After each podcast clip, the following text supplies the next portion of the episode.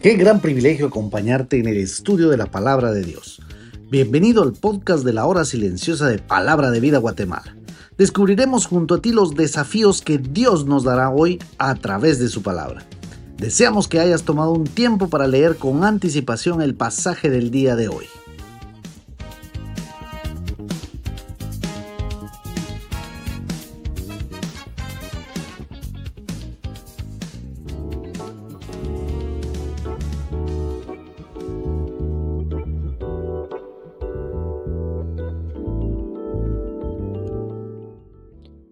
Estoy seguro que el Señor te ha estado bendiciendo mucho en este tiempo. El día de hoy, viernes, nuestra meditación se encuentra nuevamente en el Evangelio del Señor Jesucristo según Marcos, en el capítulo 6 del versículo 45 hasta el 46.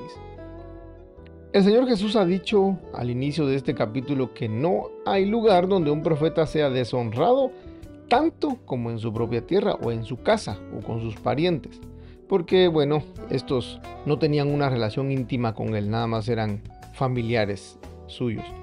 Luego Marcos relata cómo Jesús llamó a sus doce y los envió a predicar y les dio autoridad. Posteriormente nos da a conocer cómo ocurre la muerte de Juan el Bautista, porque Herodes pensaba que eh, era este quien había resucitado y ahora hacía estas señales que le habían vuelto un personaje famoso. Por aquel tiempo Jesús está a la orilla del mar de Galilea y mucha gente ha venido antes de ellos para esperarlo, de manera que le buscaban para recibir los beneficios de estar cerca de él. Y es de esta manera que alimenta, dice, a más de unas 12 mil personas se calcula que se habían reunido en ese lugar. Es importante mencionar a esta gente, pues como dijo un predicador, no fue allí, en tierra firme, y con esta multitud de personas que el Maestro establece su reino. Más bien lo hizo a continuación, con un pequeño grupo de personas que estaba a punto de naufragar y de morir en una tormenta que los azotaba en una pequeña barca. Enseguida hizo a sus discípulos entrar en la barca e ir de delante de él a Bethsaida, en la otra ribera, entre tanto que despedía a la multitud, y después que los hubo despedidos subió al monte a orar. Es hermoso saber que Jesús el día de hoy está a la diestra del Dios Padre intercediendo y orando por nosotros como leemos en Romanos capítulo 8. El Señor no nos dejó en este mundo solos o abandonados, digamos, a nuestra suerte. En medio de cada circunstancia, Él está intercediendo por nosotros mientras nos observa. Al venir la noche, la barca estaba en medio del mar, y viéndoles remar con gran fatiga, porque el viento les era contrario, de aquellos habían varios, al menos unos cinco que eran pescadores experimentados y conocían muy bien el comportamiento de los elementos en este lago, porque habían pescado aquí eh, con su familia por décadas. Y al ver ese fuerte viento remando contra corriente desde que entró la noche y hasta las 3 de la mañana más o menos, cualquiera de estos pudo haber dicho, giremos la barca. Y el viento va a hacer su trabajo y nos lleva de regreso sin ningún esfuerzo. Aún así, ellos siguieron intentando contra el viento y las olas que se levantaban imponentes con aquel terror de la persona que sabe con exactitud qué es lo que les espera, porque las fuerzas, dice, se estaban acabando y estaban luchando. Y estando en las últimas, con gran temor, hacemos notar que no cambiaron el rumbo, sino continuaron remando hacia donde el Señor les había enviado. Aprovechamos también a decirte, amigo y hermano, habrán noches realmente oscuras en tu vida. Noches donde el dolor es profundo y es tan desesperante que la muerte pareciera el final de la historia. Si no eres hijo de Dios, tu sufrimiento, déjame decirte, es vano, es fútil, no tiene valor. Pero si tú eres hijo de Dios, vas a sufrir, y mejor si es por causa de la justicia. Entonces te decimos, soporta esas horas con valentía, con valentía y obediencia. Agárrate fuerte de la mano de Dios te firme en su palabra, porque para nosotros el sufrimiento tiene un propósito. Y el propósito más grande es conocerle. Y te aseguro, lo conocerás mejor, mejor que nunca. Lo conocerás mejor que cuando todo está en calma. Lo conocerás más a Él en medio del dolor que cuando estabas en tierra firme y siendo alimentado milagrosamente.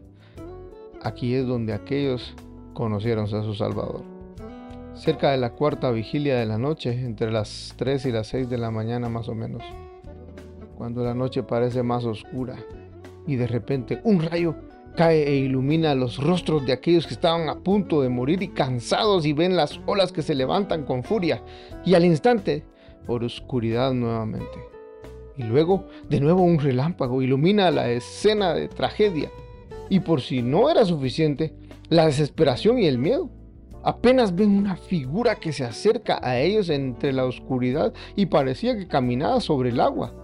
Y luego oscuridad completa y de pronto otro rayo ilumina las nubes y parece que aquella figura tiene forma humana y el temor se vuelve más grande porque parece que ahora el mayor problema no era la tormenta sino que estaban viendo un fantasma. Y como una reacción natural de un corazón que está a punto de naufragar, se escuchan doce voces gritando, ¡Un fantasma! Un fantasma. Y cuando el dolor es realmente grande, cuando la tristeza que embarga tu corazón es realmente profunda, cuando la desesperación y la ansiedad es lo único que logras identificar. Debes continuar obedeciendo a tu Dios, tu Señor. No vuelvas atrás. En la hora más terrible es que le vas a conocer. Cuando las fuerzas humanas se han acabado. Cuando no tienes más recursos humanos. Y entonces estás rendido a la deriva porque no hay más que hacer. Entonces aparecerá el Salvador. En el dolor más terrible, en la noche más oscura, escuchas un grito de esperanza. La tormenta es fuerte y el dolor es aterrador, y las olas y los truenos eran lo único que se escuchaba.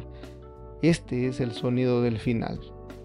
En medio del dolor y la noche aparecerá el Salvador y se hace escuchar diciendo, Tened ánimo, yo soy, no temáis. Tened ánimo, yo soy, no temáis. No temáis.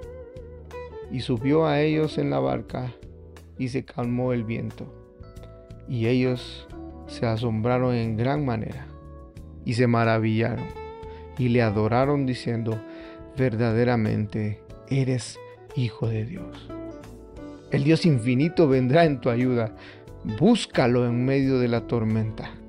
Él vendrá en tu auxilio. Dios te bendiga.